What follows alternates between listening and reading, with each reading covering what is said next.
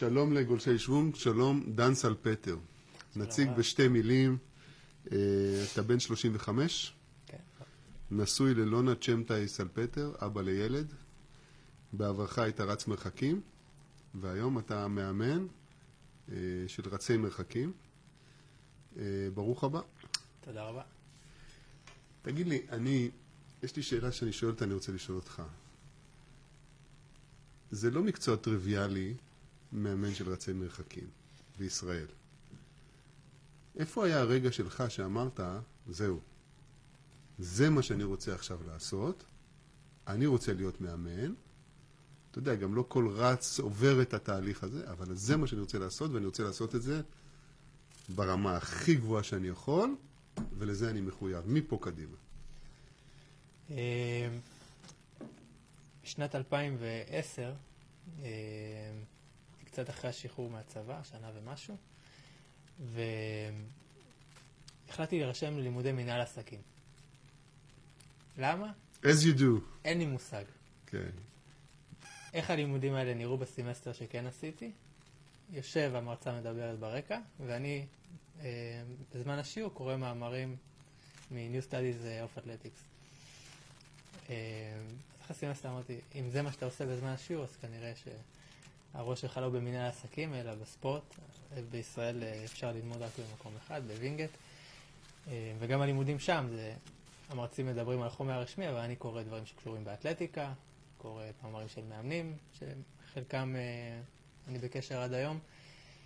והבנתי שברגע שזה בא, שזה מעסיק אותי כל היום, וממש כל היום, אז זה כנראה משהו שהוא חזק ממני, וזה הייעוד שלי.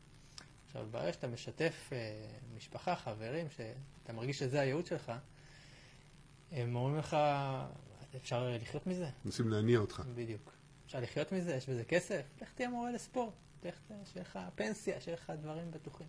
עכשיו, על פעם, בשיקול של אדם אה, בוגר ואחראי, אני מבין למה אמרו לי את הדברים האלה. אה, אבל לשמחתי, יש לי אדם מאוד לא טריוויאלי במשפחה, שזה סבא שלי, שבעצם אה, נכנע לשיגעונות שלי. מה זה נכנע? הוא מקשיב להם, אומר, אני מאחוריך. כל אתה מאמין במה שאתה עושה, אתה יודע לאן אתה הולך, אני תומך בך. זה גם, יש לזה משמעויות כלכליות, אבל לא רק. אני תומך בך רגשית, ושיש לך את ה- דרך, אה, את השא ברכה הזה מ- מ- אה, מסבא, אז יש לזה עוצמה מאוד, מאוד גבוהה.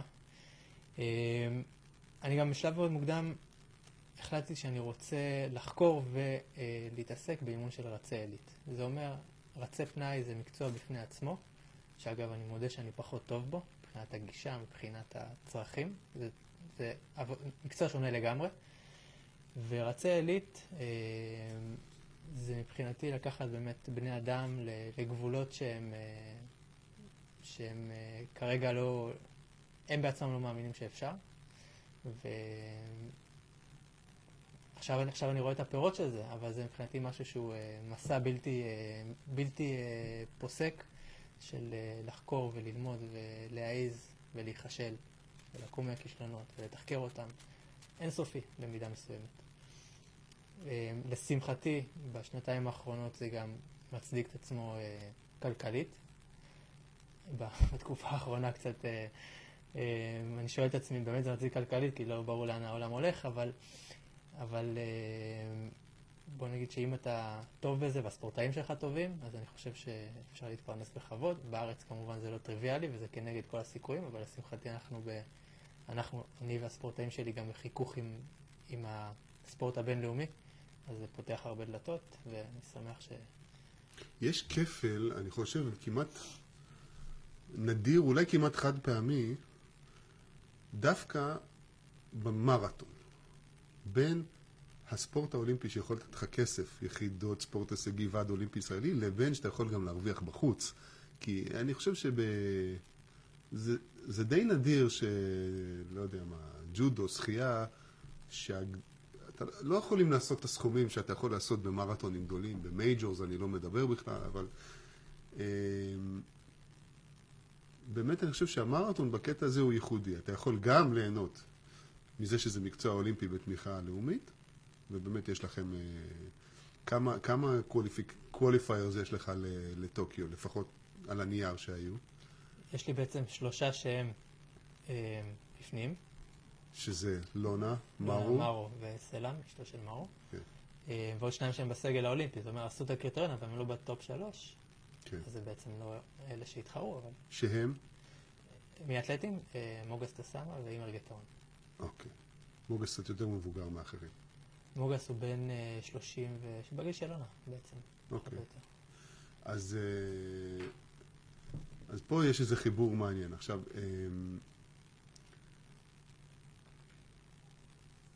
אתה אומר, אני רוצה לחקור ואני רוצה ללמוד, וזה, אתה יודע, במובן מסוים, אנחנו ישבנו, עשינו ראיון עם יובל וישניצר לפני איזה כמה שנים, עדיין השיא היה שלו, את יובל אני מכיר מהמקצוע, ממקומות אחרים, והגבולות בישראל היו, ביחס הרמה הבינלאומית, לפני, עד לפני שנתיים-שלוש, במקום, נקרא לזה במילים אה, יפ, לא יפות, זה מקום רדוד.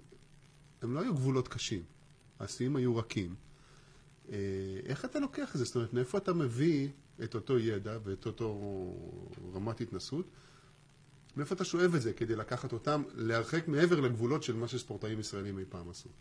כן, אז קודם כל, אה, יש פה, כמובן זה הכל במקביל, אבל זה גם שינוי תודעתי של, גם של המאמנים, גם של הספורטאים.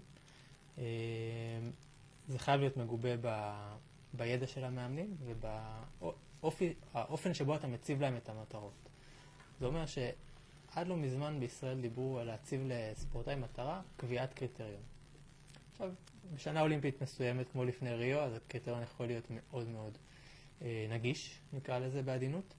אה, ועכשיו זה מתחדש והקריטריון הוא קשיח והוא כביכול ברמה יותר גבוהה, כמובן רחוקה שנות אור מהטופ העולמי, אבל עדיין נחשב רמה גבוהה כקריטריון אה, סף.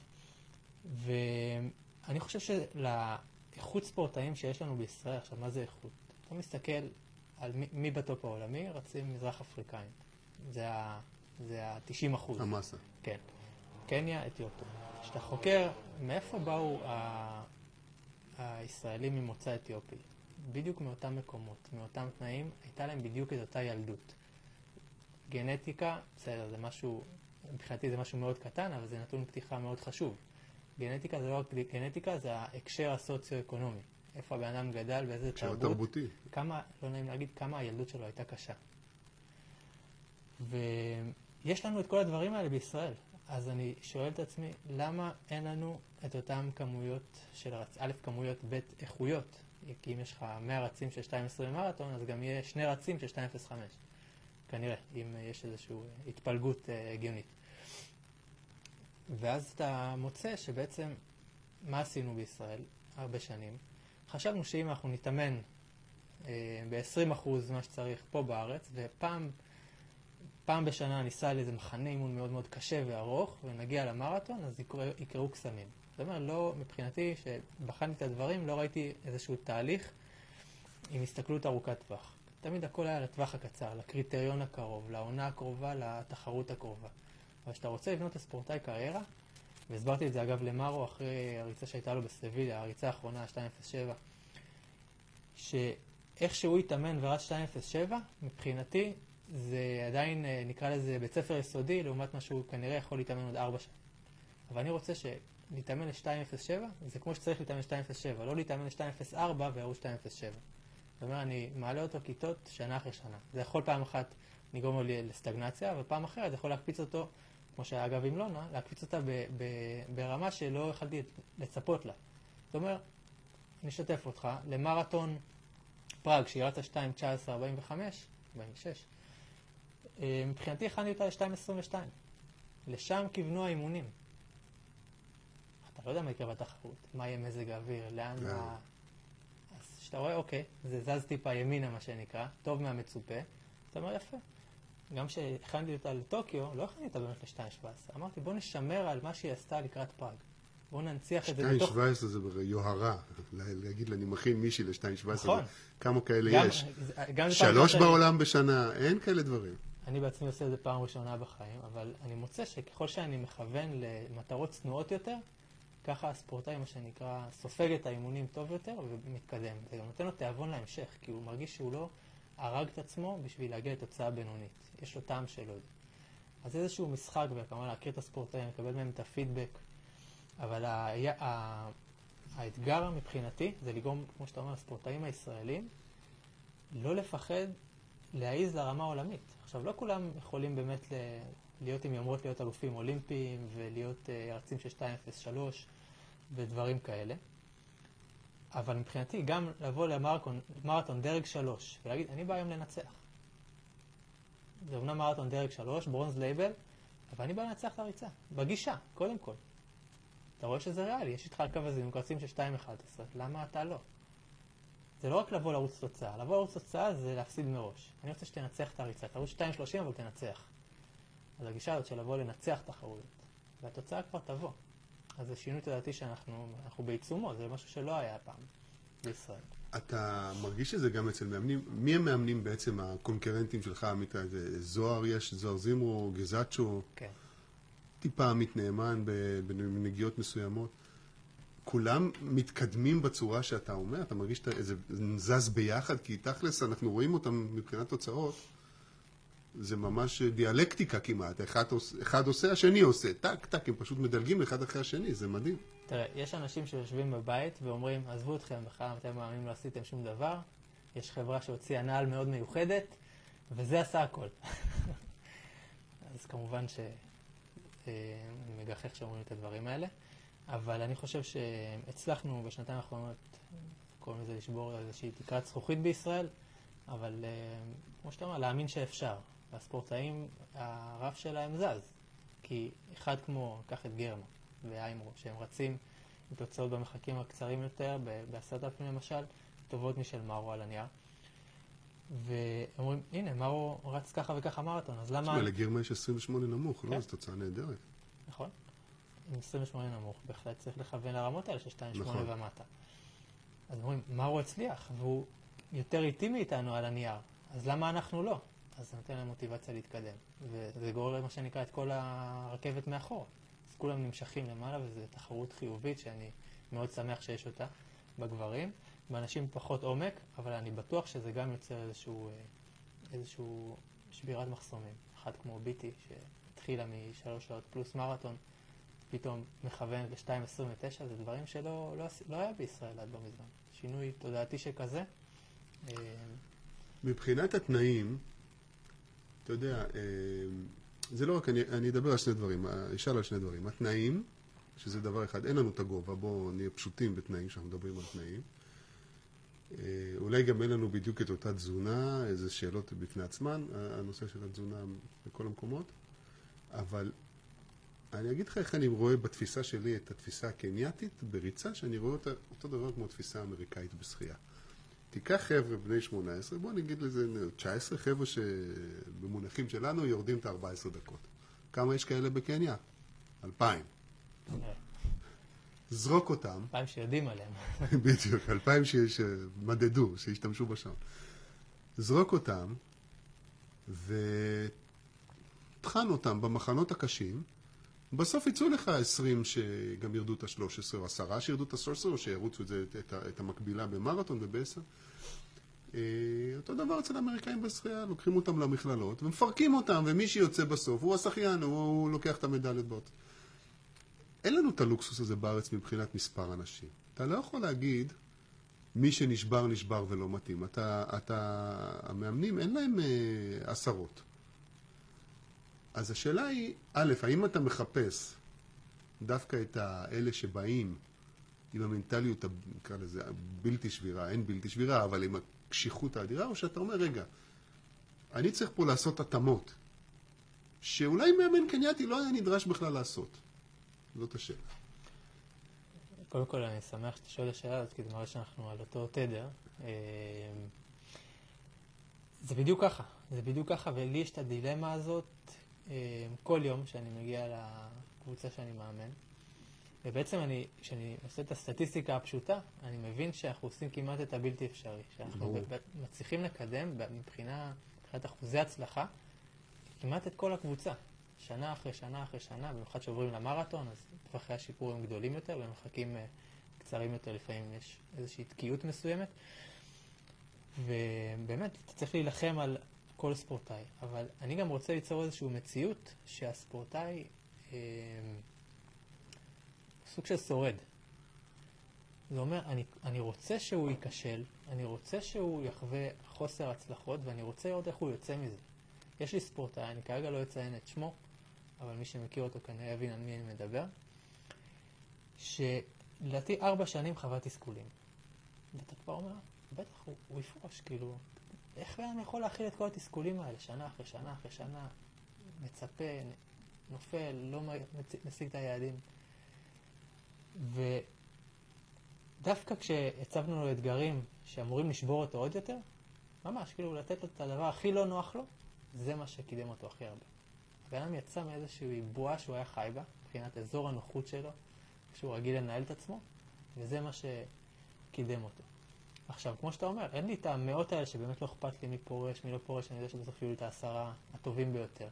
פה אתה גם יוצר איזשהו קשר אישי עם הספורטאי, אתה מרגיש מחויב לחיים שלו. בישראל לוותר על, אה, סתם דוגמה, לימודים לטובת אה, כמה שנים באתלטיקה, זה לא משהו טריוויאלי. בארה"ב הסיסטם בנוי לזה, המערכת בנויה לדבר הזה. קבוצות מקצועניות שאי אפשר להשוות בכלל את התנאים שהן נותנות למה שיש בישראל. אז פה, ספורטאי שבעצם מתמיד בענף, במיוחד אחרי גילאי צבא, זה משהו לא מובן מאליו מצד אחד. מצד שני, אם אתה רוצה שהוא יצליח ברמה העולמית, אתה חייב לקחת אותו לקצה, למקומות האלה, שהוא יתמודד עם התסכולים האלה, אה, שיישבר ויקום, ואני חושב שאחת מולונה אה, הוכיחה לכולם כמה, כמה זה אפשר להשתפר אחרי שהיית במקומות הכי נמוכים מבחינת חוסר הצלחות. ועכשיו נחזור רגע לתנאים הפיזיים עם הגובה. אתה, אין לך איפה לשים אנשים בגובה. אז אתה מרגיש שאתה חייב להיות במזרח אפריקה, בקניה, או לא יודע, יש אולי חלק נוסעים לאתיופיה? אתה חייב להיות שם? זה חלק מפק"ל האימון שלך? אז קודם כל, אה, תנאי הגובה, אני חושב שלנו יש יתרון מסוים, בקטע שאנחנו לא נמצאים שם, ואנחנו בעצם משתמשים בזה כאיזשהו כלי שיכולים לבחור מתי, כמה ולמה. זה אומר שעצם זה שיש לך את האפשרות לרדת מהגובה, לשהות בפני ים, אגב, בתנאים שונים בפני ים, גם תנאי חום, שיש להם במידה מסוימת אפקט דומה לגובה, אם יודעים להשתמש בצורה מושכלת. מה זאת אומרת, רגע, עצור פה, מה, מה, מה האפקט הדומה? מה, הקושי? לא, הקושי זה משהו שצריך להיזהר ממנו, כי להתאמן קשה מדי בתנאי חום, זה יכול לעשות את הפעולה ההפוכה, מהרבה בחינות, מבחינה פיזיולוגית. אבל אם אתה עושה את ההתאמות הנכונות, אז הגוף יוצר הסתגלות אגב, גם ברמת ה... ברמה המטולוגית, ברמת תמונת הדם של הספורטאי, שהיא מאוד דומה למה שקורה בגובה. בעצם יש הגדלה של נפח הדם, אה, גם של, אגב, גם של הנוזל הדם עצמו וגם של הכדוריות. גם של הפלזמה, גם של הדם עצמו. זה נתון שהוא מאוד מפתיע. אה, כושר הזעה. שבריצה... מה זה, המטוקריט עולה? מה קורה? כן. לא ידעתי את זה. כן, כן. אני יוצא החוצה לחום עוד מעט. זהו. אז צריך לדעת איך לעשות את זה, okay. אוקיי. כמה ולמה, וזה זה מאוד, זה מאוד רגיש. אז יש את, ה, אמ, את האפקט הזה. עכשיו, הנושא של הגובה, למה זה יתרון שאנחנו בעצם חיים בפני ים ומשתמשים בגובה בצורה מושכלת? אמ, הרבה ניסוי וטעייה שעשו גם בצורה קצת מחקרית, אבל גם בצורה בלתי תלויה, זה שאתה עושה מחזורי אימון של בלוק אימונים בגובה, בלוק אימונים בפני ים, בלוק אימונים בגובה, בלוקים מפני ים, יש לזה לטווח הארוך הסתגלות טובה יותר. מבחינת איך שהגוף שלך אה, ממשיך לייצר כדוריות דם, אה, בגלל שאתה עושה כמה סייקלים כאלה. אם אתה תהיה אחרי, אחרי חודש בגובה, אין הבדל, בוא נגיד, אם אתה נמצא חודש בגובה או שלושה חודשים. העוד חודשיים האלה לא ייתנו לך איזשהו אפקט נוסף. אבל אם אתה עושה אה, שלושה מחזורים של חודש, עם חודש פני ים אה, בין לבין, זה ייתן אפקט הרבה יותר טוב. המחזוריות. אינטרוולים של גובה. כן. כי מה קורה? בימים הראשונים שאתה מגיע לגובה, אז מופרש ההורמון שבעצם אה, אחראי על, ה- על אה, ליצור את הכדוריות דם, EPO, אה, אבל אחרי כמה ימים הוא מפסיק להיות מופרש. אבל ברגע שירדת לפני ים, עלית שוב, אז הוא בעצם מופרש מחדש. ואם יש את האפשרות לעשות את זה כשאתה בגובה, לרדת לכמה ימים בפני ים, לחזור שוב לגובה, אז בתוך הסייקל אימונים שלך גם משחקים כאלה, זה יוצר... אז אתה מייצר ריבוי בדיוק. ייצור. כן. אגב, יש, יש איזה רצועת גובה, נכון? זה לא שאתה יכול להגיע ל-3,500 או... ולהיות יעיל באותה מידה. יש נכון. איזה... ר- נכון, איפה זה על, ה- על איזשהו 2,000 עד בין 2,500? 2,000 ל-2,500, כן, כי מעל זה נפגעת אה, אה, איכות האימון, אה, ואין בעצם איזשהו אה, ערך, אה, ערך נוסף לעלייה בגובה, ונמוך מדי זה לא יוצר את הגירוי. הגירוי, הגירוי אגב, הוא מגיע להפתעה, למרבה ההפתעה בזמן המנוחה ולא בזמן האימון. זאת אומרת, אתה יכול תאורטית להתאמן בפני להתאמן ים, נמוך ולישון באוהל? לשהות בגובה, כן. הרבה, 16 שעות פלוס ביום, וזה ייתן את אותו אפקט כמו להתאמן בגובה ולשהות בגובה. אתה משתמש פה באוהלים? פה לא. בעצם אני, אני רוצה שיהיה להם את ה... נקרא לזה חוסר גירוי הזה. אוקיי. שהגוף שלהם ידע מה זה גובה ומה זה פנייה. גם יש לי ספורטאים שהם לא מגיבים טוב לירידה מהגובה וישר להתחרות. זה משהו שגם צריך ללמוד. הם צריכים זמן? צריך מה שנקרא הסתגלות לפני ים. או-אה. כן. זה אומר, אגב, אותו ספורטאי שדיברתי עליו מקודם, יש לו בעיה שהוא לא יכול אה, כמעט חודש, הביצועים שלו לא יהיו טובים בירידה מהגובה. האימונים יכולים להיות בסדר, אבל הוא יבוא לתחרות, אני מתאר לעצמי לא איזה. תסכול זה- איזה תסכול זה עד שמגלים את אגב, הדבר חלק, הזה. מ- דיברתי על, תסכולים ארבע שנים, חלק מזה זה בגלל זה. כאילו עד גילו את זה. שהשכלנו להבין שיש פה בעיה וצריך לתת לה מענה, אז ברגע שפתרנו את זה וזה נפתר בעונה, אפשר להגיד, אז אה, דברים התחילו להתחבר פתאום. אז בעצם אתה צריך אה, כמעט לתפור אה, לו"ז לכל אחד. כאילו, הוא יכול להיות שיש כאלה שיורדים מגובה ודווקא בשבוע הראשון זה טוב להם. או. נכון. יש כאלה שביומיים הראשונים טוב להם, פתאום ביום החמישי הם לא טובים. זה מאוד אינדיבידואלי. אגב, היה לי את, ה, את, ה, את החשש הזה עכשיו עם לונה בטוקיו.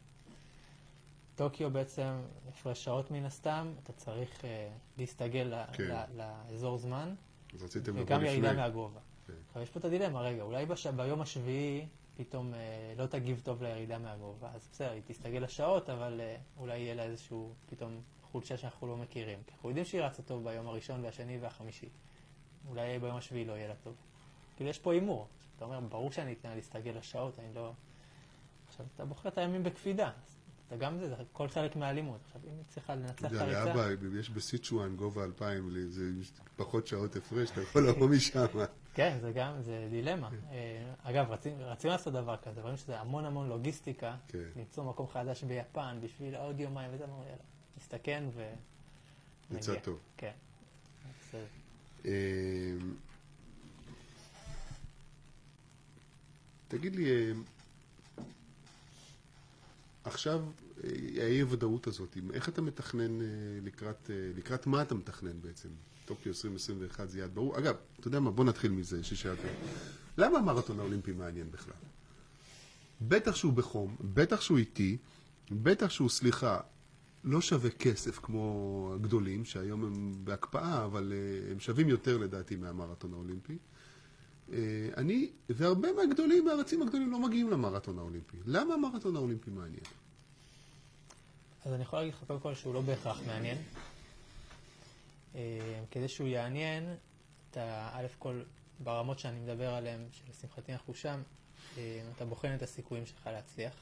זאת אומרת, יש ספורטאים שבינינו אין להם סיכוי בתנאי חום, אז עדיף להם בכלל לא לנסות עם כל ה... ויש כאלה שעושים גם את ההצגה.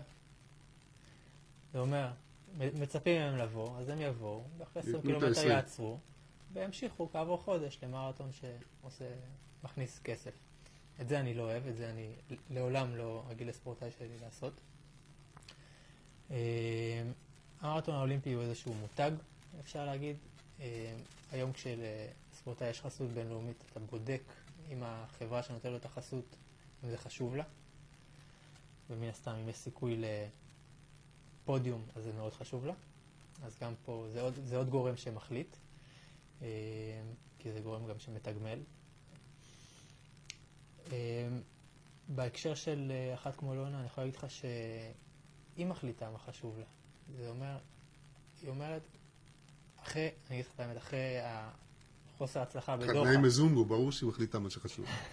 אחרי דוחה, אני פחדתי שיהיה טראומה א' ממרתון, ב'- מתנאי חום. והיא כעבור שבוע, אמרה, לא מעניין אותי, אני רצה בטוקיו מרתון, שיהיה גם 50 מעלות, טוקיו זה ספורו עכשיו, לא? אה, כן, מאז זה השתפר, אבל גם שיהיה 50 מעלות, אני לא מפחדת מהחום, אני יודעת שאני מוכנה, אני יודעת שזה. אני, אני אעשה את זה, אני ארוץ מרתון בחום. והיא אומרת, כי אני יודעת שאני רוצה לייצג את ישראל בצורה הכי טובה שיכולה להיות, במרחק שאני יכולה להיות הכי טובה בו. אז אתה חי- חייב גם לתת לספורטאי, ספורטאי שיש לו קריטריונים בשלושה מקצועות, אז אתה יכול לאפשר לו להחליט, לא לכולם יש. אז לשמחתי היא התחילה להתאהב במרתון, לקח לה זמן להתאהב במרתון. אמ, לא כל הספורטאים בעולם, כמו שאתה אומר, יבחרו במרתון האולימפי, אח- אחרים יעדיפו את הכסף. דווקא עכשיו, לקראת אה, טוקיו, ראינו שנבחרות, אה, לפחות לפי ההצהרה, בחרו את המרתוניסטים הטובים, כן ילקחו את הנבחרת הכי חזקה שלהם. אה, הצהירו שהם יבואו עם נבחרת הבנות הכי חזקה, אה, עם הבנים כמעט, קיפצ'וגה לא תמיד ברור עד הסוף. עשה עשה את המרתון האולימפי האחרון. כן. זה גם אה, מה שמניע את הספורט. האם הוא כבר זכה במדליה אולימפית, אולי זו כבר מטרה שהוא השיג, אז זה פחות מעניין אותו. כן. אז יש פה כמובן גם את מה חשוב לספורטאי, למדינה. אה, פה בישראל אני מניח שהם מצפים שאנחנו אה, נעשה את הכי טוב שאנחנו יכולים במרחק שאנחנו חושבים יכולים להצליח בו. אז אה, אנחנו משתדלים אה, גם לספק את הסחורה בהיבט הזה, לא רק להיות, אה, לחשוב על, ה, על הכיס. אה, גם רוב הספורטאים שלנו הם בתחילת הדרך, זה לא שעכשיו יש לו איזשהו אה, שנה, שנתיים לקריירה, אז הוא אומר בוא נעשה את המכה האחרונה ונפרוש. כן. להפך, זה עוד יכול לעזור לו, המרתון האולימפי. בדיוק. לעזור לו. עכשיו, כשאתה מסתכל על המרתון האולימפי, אמנם לא כל הרצים הטובים בעולם, הכי טובים בעולם מגיעים, אבל כל מדינה על פניו אמורה לשלוח את הרצים הכי טובים. זה אומר שבשום מייג'ור אין את זה. במייג'ור אמיתי, יש לך עשרה טובים, וזהו. פה יש לך מדינות שיכולים לשלוח שלושה, ארבעה, אם יש להם את האלוף המכהן וכ- וכאלה.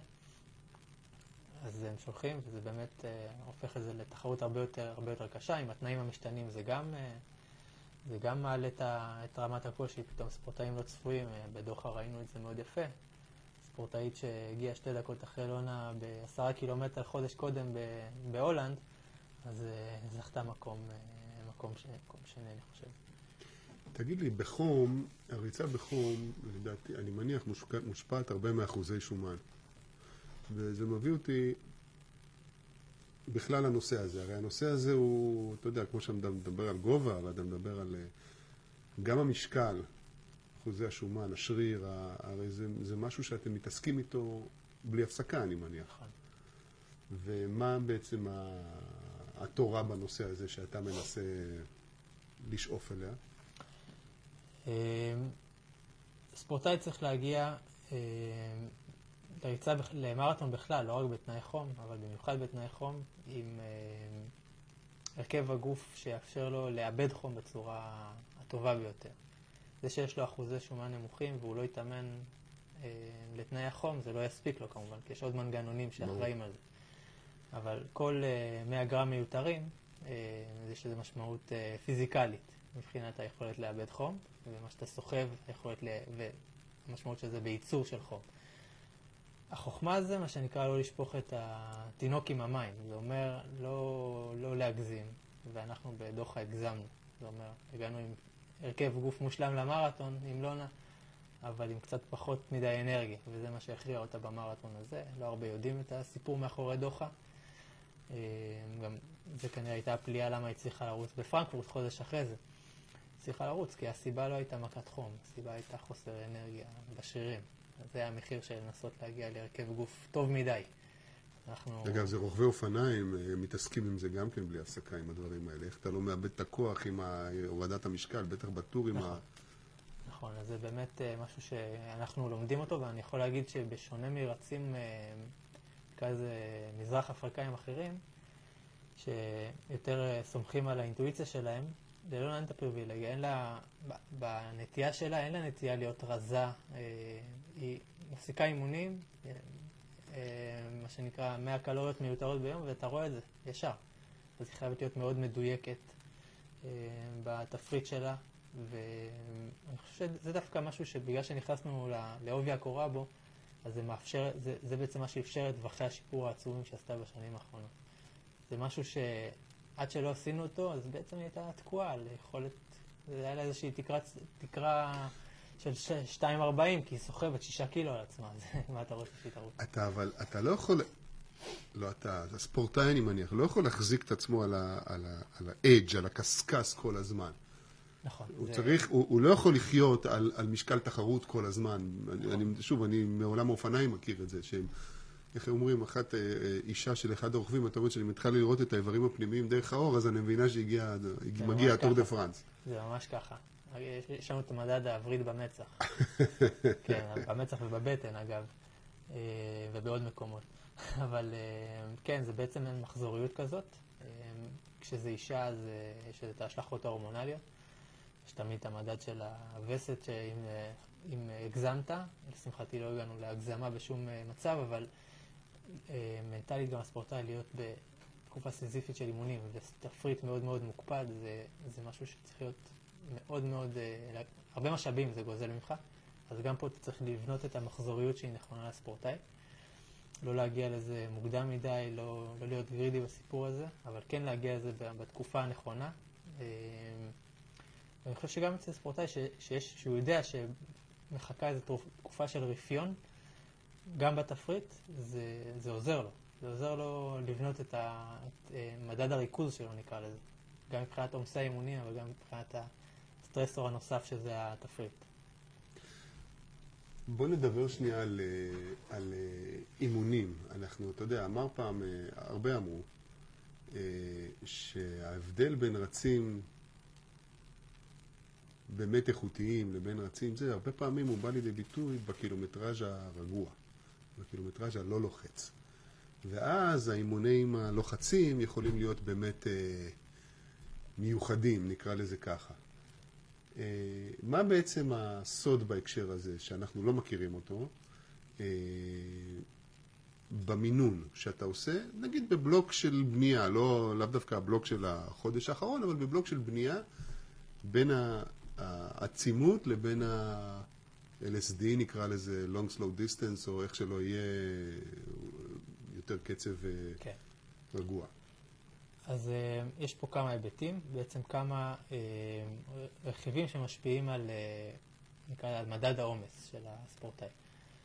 למרבה ההפתעה, התקופה הכי קלה לספורטאי זה- היא התקופה הספציפית, מבחינה מנטלית. כי, כמו שאמרת, האימונים הקשים הם באמת קשים, אבל יש ריווח עצום בין האימונים האלה. אתן דוגמה. תקופה יחסית אה, מאוח... אה, מוקדמת, אה, זה אומר נגיד שלושה חודשים לפני המרתון, ספורטאי יכול לבצע אימון, אני לא אקרא לזה אימון קשה, אבל אימון בינוני עד קשה, גם כל יומיים. זה אומר יש דחיסות מאוד מאוד גדולה של האימונים, באנגלית קוראים לזה density. ו... אבל האימון עצמו הוא לא באמת איכותי. זה אומר, יש איזושהי עצימות קלה יותר, זה לגרוס. יותר, בדיוק. אז יש עומס, יש, כמו שאמרתי, דחיסות. פה אתה לא יכול לצפות מספורטאי לייצר אימונים מאוד מאוד טובים. אתה גם לא רוצה. זה מה שיוצר, מה שנקרא, את, העומס הכללי שמאפשר איזשהו בסיס להמשך. ככל שהתקופה מתקדמת, פתאום האימונים הקשים מופיעים פעם בשלושה ימים. אתה טיפה מרווח, ואז משדרג את העצימות של האימונים. אגב, הקילומטר השבועי לא משתנה בצורה דרמטית בין התקופות. תקופת בנייה בדרך כלל הוא יותר, אה, יותר גבוה, ובתקופה מה זה גבוה כדי שנכיר את ה... גבוה זה יכול להיות אה, סביב ה-200 200. קילומטר, אבל כמובן שיש גם פה איזו מחזוריות מסוימת, בוא נקרא לזה 180 פלוס מינוס 20. אוקיי. אה, וזה משמעותי, הורדה של 40 קילומטר בשבוע, בוודאי. ספורטאי הוא מרגיש את זה ישר. ואז דווקא, ובתקופה הכי קרובה למרתון, נגיד שישה שבועות אחרונים, אנחנו פותחים את זה עוד יותר. אני אפילו הגעתי למצב שאני עושה אימונים, אה, אימונים ספציפיים גם פעם בחמישה ימים. אז אתה, אומר, מה הם עושים חמיש, כל החמישה ימים? מה, רק ריצות קלות? אז זה לא רק ריצות קלות. עכשיו, זה כבר היצירתיות של המאמן ואיך שהוא מכיר את הספורטאים שלו. הרעיון זה לשחק, יש הרי ריצה קלה זה, זה טווח של, אה, של קצבים.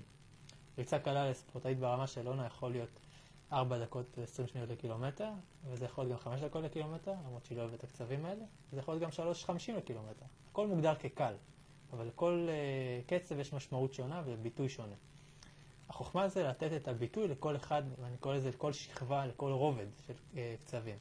ברגע שהצלחנו ל- ל- להכניס למחזור השבועי או, או הדו-שבועי גם אימונים אה, נקרא לזה בספקטרום הגבוה יותר של הריצות הקלות, לא רק ריצות קלות של junk miles, מה שנקרא ל-regeneration, להתאוששות, אלא גם, אני קורא לזה קל מובהק. איזשהו קל שיש לו משמעות פיזיולוגית בבנייה של הספורטאי. עכשיו, הרעיון זה מתי. אה, אני הגעתי לאיזושהי נוסחה שעובדת עם הספורטאים שלי, מתי נכון להכניס אימון קל ודי ארוך יום לפני אימון אה, יותר חזק. בעצם לעשות איזשהו בלוק כזה של אה, אימון בינוני ואחריו אימון קשה. ורק, ורק אחרי זה לרווח. אז כשאתה נכנס לעובי הקורה בהיבט הזה, וזה לא רק אימונים קשים ואימונים קלים, אז אתה מוצא שהספורטאי שלך אה, מפתח יכולות שלפני זה לא היו קיימות. זה בא לידי ביטוי ביכולת שלו להתאושש מהאימונים האלה, אתה רואה את זה ישר.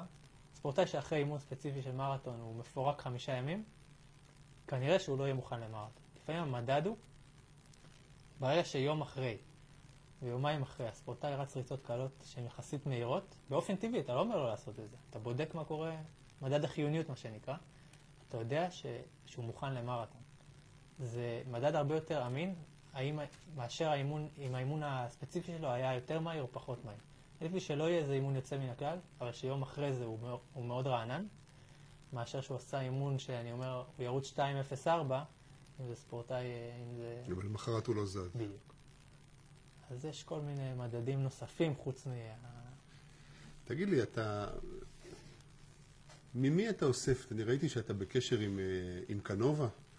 כן. אה, רנטו קנובה, מאמן איטלקי מאוד מאוד ידוע. כן. וממי אתה אוסף את המידע? בעיקר ממנו, או שהיום אתה כבר בשלב של הרבה ניסוי וטעייה עצמאיים? איך זה... כן, זה, זה מאוד משולב. אני יכול להגיד את הבסיס של המתודולוגיה, של בעצם אה, איך, איך, איך לגשת לתוכנית אימון, לתכנון. אה, אני שאבתי ממנו, אני יכול להגיד 80% ממה שאני יודע שאבתי ממנו, מדברים ש... שהוא עשה בשנות ה-90 ודברים שהוא... למדת ממנו אישית בקניה או ש... כן, גם אישית בקניה. פרסומים, גם... כי הוא מפרסם גם, הוא, נכון. לא, הוא לא נחבא אל הכלים. נכון, הוא... הוא מאוד משתף, גם דברים שהוא שיתף, לפני שעוד הכרתי אותו ברמה האישית נחשפתי לזה. אה, אבל הרבה מה... מה שנקרא מהשיחות הלא פורמליות, יושבים ביחד בארוחת ערב ומדברים. אז הוא מספר, הוא לפעמים חוזר על אותם סיפורים, אבל הוא מספר, הוא משתף. עכשיו, הוא, הוא לא מלמד אותך, אבל כשאתה מתחיל לזהות קווי חשיבה, וכל מיני תובנות שיש לו גם, אחרי 40 שנה של קריירת אימון, 50 שנה נראה לי, יותר מ-40, אז אתה מתחיל לזהות איזה דפוסים אה, שהם כנראה נכונים ברמות האלה. עכשיו, לא למדתי רק ממנו, אני גם אה, עשיתי השתלמות אצל אה, מאמנים בארצות הברית, מאמן אחד עיקרי, סקוט סימוס, שמאמן את, אה, את הפרויקט אה, שהם עושים עם הצבא. אז אתה רואה באמת הבדל בגישות, גישה שיותר אה, רלוונטית לרצים למחקים בינוניים, פחות למרתון. אה, והחוכמה זה להבין את העקרונות, למי זה נכון ומתי, ומתוך זה להשליך את זה על הספורטאים שלך. זה אומר, אתה רואה כמה דרכי חשיבה, ואתה בסוף עושה איזשהו, לוקח את ה... מה שנקרא, מוציא את המוץ מהתבן, אתה מנסה לסנן אז אתה מצליח להגיע לאיזושהי נוסחה... עכשיו, אני היום הגעתי למצב שאני הגעתי לנוסחה שמתאימה לספורטאים שלי, שמבוססת על הרבה גישות ש... שנחשפתי אליהן בעבר. אני לא יכול להגיד, אני מאמן כמו קנובה. ממש לא. הרבה, 90 אחוז, גם ממה שלמדתי אני לא מסכים, אני עושה אחרת. אבל זה שיש איזה משהו, איזשהו בסיס, בסיס. שעליו אתה מעביר ביקורת ומנסה ו... ובוחן, אז זה מאוד עוזר. עכשיו, אחד כמו קנובה, אמ, אגב, קנובה זה, אתה יודע, עוד היו את הלידיארדים ואת הסטמפלים עוד פעם, שזה, קנובה נכון. זה דור מתקדם יחסית. נכון, זה דור מתקדם, גם אתה, כשאתה שומע אותו מסביר למשל את ההקשר של לידיארד, איך זה היה קשור לאיך שהיה... ארתור לידיארד שהיה מאמן ניו זילנדי מפורסם מאוד, כן. בעיקר למרחקים בינוניים. שקנובה מסביר איך לידיארד היה קשור, אה, בעצם יישם את, ה, את הפילוסופיה שלו על איך שהיה בנוי אז הספורט. אז הספורט לא היה לא היה אפשרות להתחרות כל חודש. בעצם הייתה עונה מאוד ארוכה של עונת הכנה, ואיזשהו בקיץ תחרויות. אתה צריך להתאים את, את uh, מחזוריות האימון לזה. היום זה לא יכול לעבוד ככה. ספורטאי צריך להיות ב-90% מהיכולת שלו כמעט כל העונה. מה שנקרא במרחק נגיעה מפיק. פילוסופיית האימון השתנתה בעקבות זה, ואני יכול להגיד שרק לטובה. כי בעצם אתה משתמש אה, אתה מקדש את איכות האימונים כמעט כל העונה, החוכמה זה, מה שאתה משנה זה בעצם את האחוזים. זאת אומרת, בתקופה יותר ספציפית זה יהיה 30 אחוז מהנפח השבועי, אבל בתקופה יותר רגועה 10 אחוז, אבל זה נמצא שם באחוזים. כן. ליד יארד, אם תסתכל, היה תקופות שהוקדשו לריצות בטווח מסוים, ואז ריצות שבעצם הזניח את העצימות הקלה יותר, וקידש את העצימות המרבית כמעט. כן. עשה את זה, מתאים גם למיקום הגיאוגרפי שהוא היה במקום עם, אה, עם אה, הרבה עליות למשל, או איזשהו לופ הררי, אז הוא צריך אה, לאלתר ולבנות עליו את התוכנית השבועית. גם אנחנו עושים את זה במה שיש לנו פה בישראל, או במקומות שאנחנו מתאמנים בקניה. תכף נשאל על איפה אתה מתאמן, אבל אמרת, אתה יודע, אני מתאים את זה לספורטאים שלי ולזה, ואני יודע, אני הסתכלתי על, ככה לפני, על טבלת שיאי ישראל. יש לך פה ספורטאים, יש לך את uh, סלמוויט ב-1500, לונה uh, בכל המרחקים, יש לה 2,000, 3,000, 5,000, חמישה קילומטר כביש, עשרת אלפים, עשרה קילומטר, בקיצור, בכל המרחקים. כן. מה, מה, וגם הבנים, יש, יש הרבה בנים בכל ה... מה. מה נותן, או מה אתה מנסה להפיק? נשאל את זה אחרת. האם היעד הוא באמת המרתון, וכל השאר זה מיקס שאתה מנסה להוציא ממנו צימוקים, או שהיעד הוא בעצם כל הטבלה הזאת, מ-1500 או מ-5000 ומעלה? איך אתה מתכנן את זה?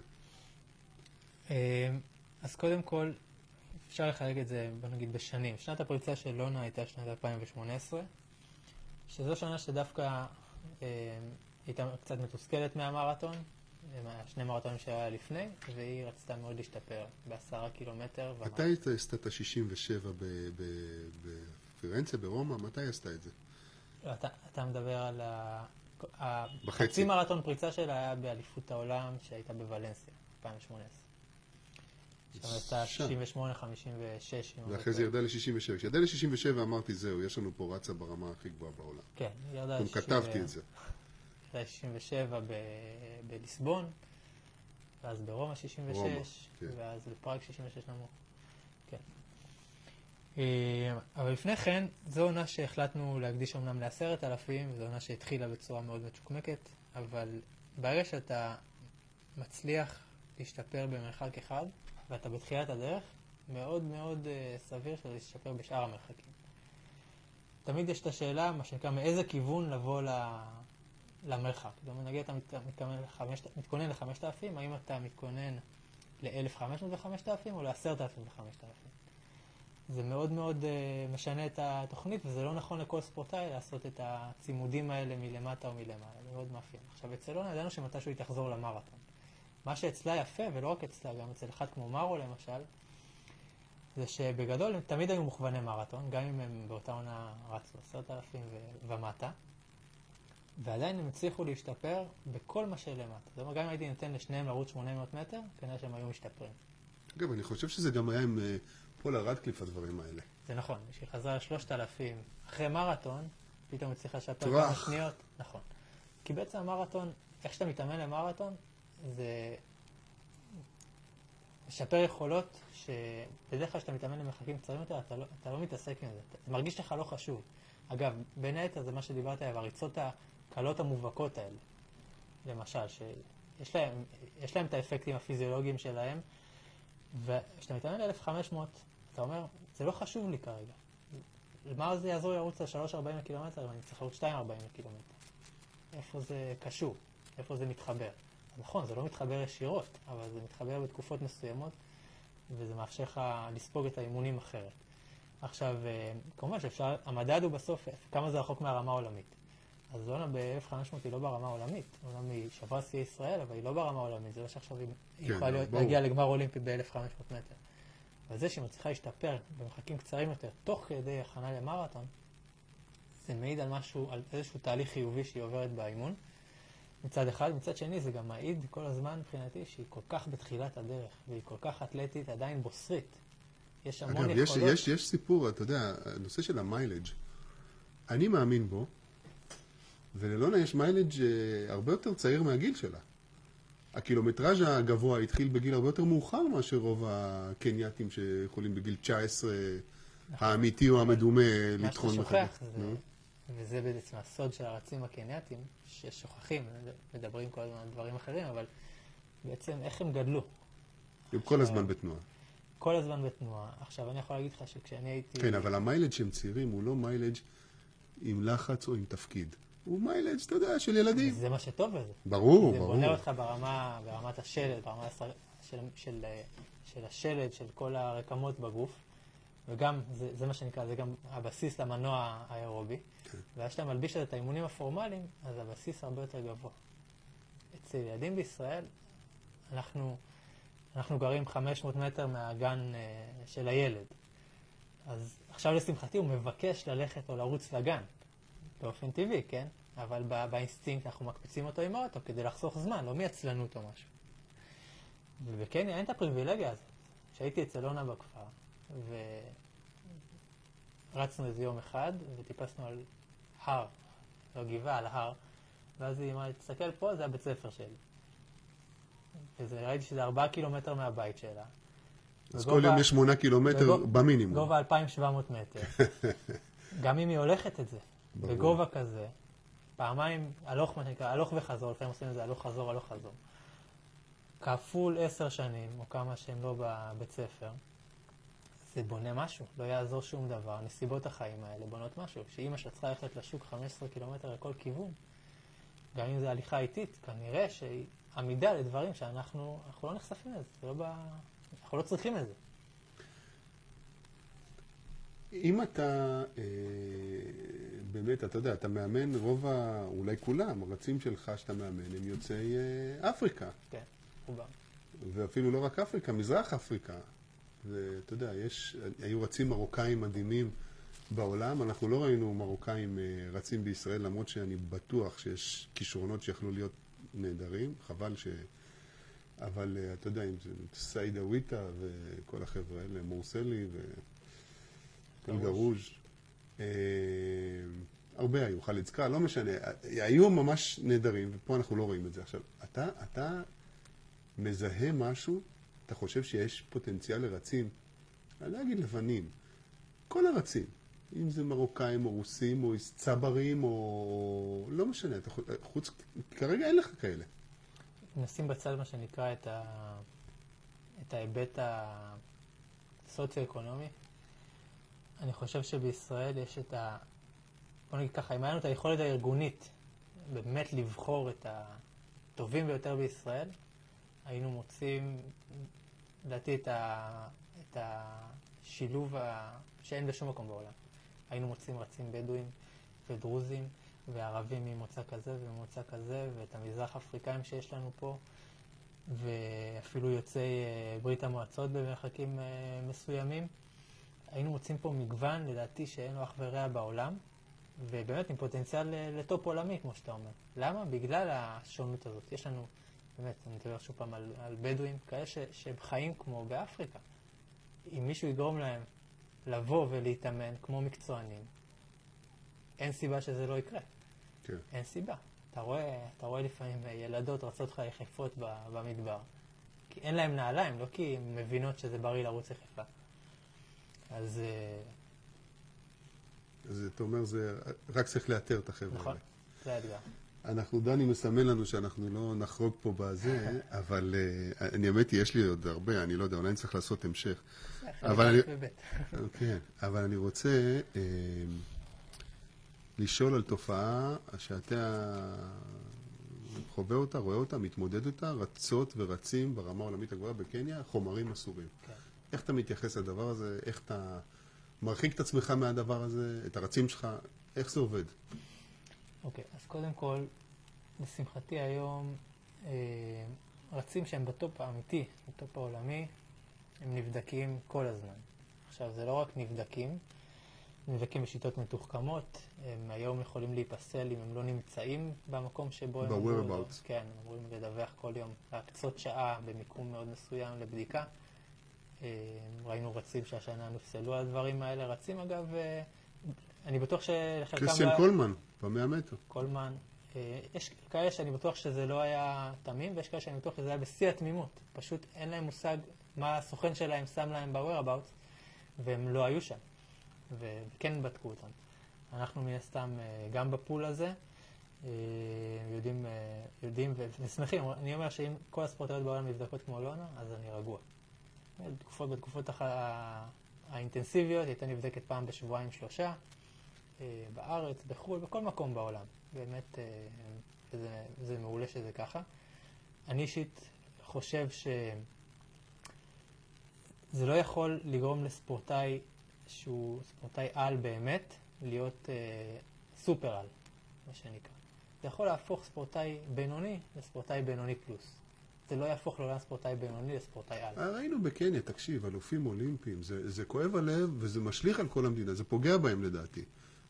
בקניה כאומת אתלטיקה, סומגונג וכאלה, אתה יודע, זה שמות גדולים נכון. כבר, זה לא, קיסוריו היה, לא משנה, יש הרבה שמות, אני לא אגיד את כולם, אבל זה לא שמות קטנים, זה שמות גדולים, זה, זה נורא. אני, בוא נגיד, לשמחתי, זה, זה לא המקומות שאנחנו מתאמנים בהם, המקומות שאנחנו מתאמנים לא היו לדעתי מקרים של, אה, של סמים, אבל בקניה יש כמה מחנות אימון, שכנראה, אה, עצם זה שיש שם מעורבות של אה, סוכנים מאוד מסוימים, כנראה יש שם גם איזושהי שיטה, לוקחים כמה ספורטאים, מכניסים לפרוטוקול מסוים, מקווים שהם לא ייתפסו, אבל זה יכול לעבוד פעם אחת. מה זה פעם אחת? שהספורטאי הוא די אנונימי, ואף אחד לא באמת בודק אותו, ובקניה אף אחד לא יבדוק רץ של 2.6 למשל, ואז 2.6 הזה הופך רץ של 2.03, וזה הזמן להיעלם גם. כן. ואז הוא נכנס לפול ויורד מהרדאר, ו... אז מקרים כאלה קורים. מה שקורה היום זה לא מה שהיה לפני ארבע שנים באינטנסיביות של הבדיקות, בתחכום של הבדיקות, אה, בכל הנושא של הפרופיל הדרכון הביולוגי למשל. כשאני רואה מה זה, כשאתה קורא ומבין מה זה דרכון ביולוגי, אתה אומר, אי אפשר להתחמק משום דבר. אי אפשר. גם אם לקחת לפני חודש, הדרכון הביולוגי זה. כן. זה מאוד, מאוד פשוט. אז אה, בוא נגיד ככה, כנראה שבקניה התחכום הוא לא גדול. זה אומר שאין אפשרות להתגבר על הבדיקות. יש כל מיני כאלה שחושבים ש... שזה אפשרי. כדי להצליח להתגבר על הבדיקות כנראה צריך תקציבים של... אה, קבוצת אופניים מאוד מאוד אה, עשירה, וזה לא המצב בקניה, אף אחד לא ישקיע מיליון דולר בפרוטוקול סימום כשאתה מרוויח אה, עשרת אלפים דולר, כן. כנראה. אז זה ספורט מאוד עני במהות שלו, אז מי שעושה את זה, עושה את זה ממקום של מסכנות, של מקום של לצאת מאיזשהו מעגל עוני, ניצול אולי של סוכנים. זו תופעה שקיימת, אנחנו לשמחתי לא נחשפים אליה, ואנחנו, זה גם ברמה ההסברתית. אני עם כל הספורטאים שלי מדריך אותם איך... אם אנחנו משתמשים בתוספי אה, תזונה למשל, אז איך לבדוק שזה עומד בתו תקן של, אה, של חומרים אה, נקיים. כי מאוד קל ליפול גם על דברים תמימים. כן, קרו, היו דברים. יש דברים שגם יוצאים פתאום, שהופכים להיות אסורים, הם היו קודם מותרים, ראינו את זה עם המלדוניום שהיה, כל מיני כאלה. נכון. אז מאוד, זה הרבה ברמה החינוכית. ואני גם מסביר לספורטאים שלי ש... החומרים האסורים לא ייתנו להם שום, אה, שום יתרון. בטוח לא ברמה המנטלית. ספורטאי שהוא מרמה, לדעתי זה כבר מוריד אותו ברמה המנטלית. הוא בא ממקום חלש יותר, כל הזמן יש לו מה להסתיר, זה משפיע על ההתנהגות שלו, משפיע עליו חברתית, הוא תמיד יהיה בפחד הזה ש... שיתפסו אותו, לעומת ספורטאי שבטוח שהוא השיג הכל בזכות אימונים, בזכות איזשהו איזון. הוא אמנם רץ אולי, אה, נכון לעכשיו, פחות טוב מאחרים, אבל הוא יודע שהוא השיג את זה ביושר, הוא יודע שאם הוא ימשיך להתאמן בצורה שיטתית, אין קיצורי דרך. אני לא מאמין שספורטאי מסומם יכול לשרוד עשר שנים בענף ולהשתפר שנה אחרי שנה אחרי שנה. אז הוא יעשה קיצור דרך, שנה, שנתיים יעקוץ, ואז או יתפס או יפרוש או ייפצע או לא יודע מה.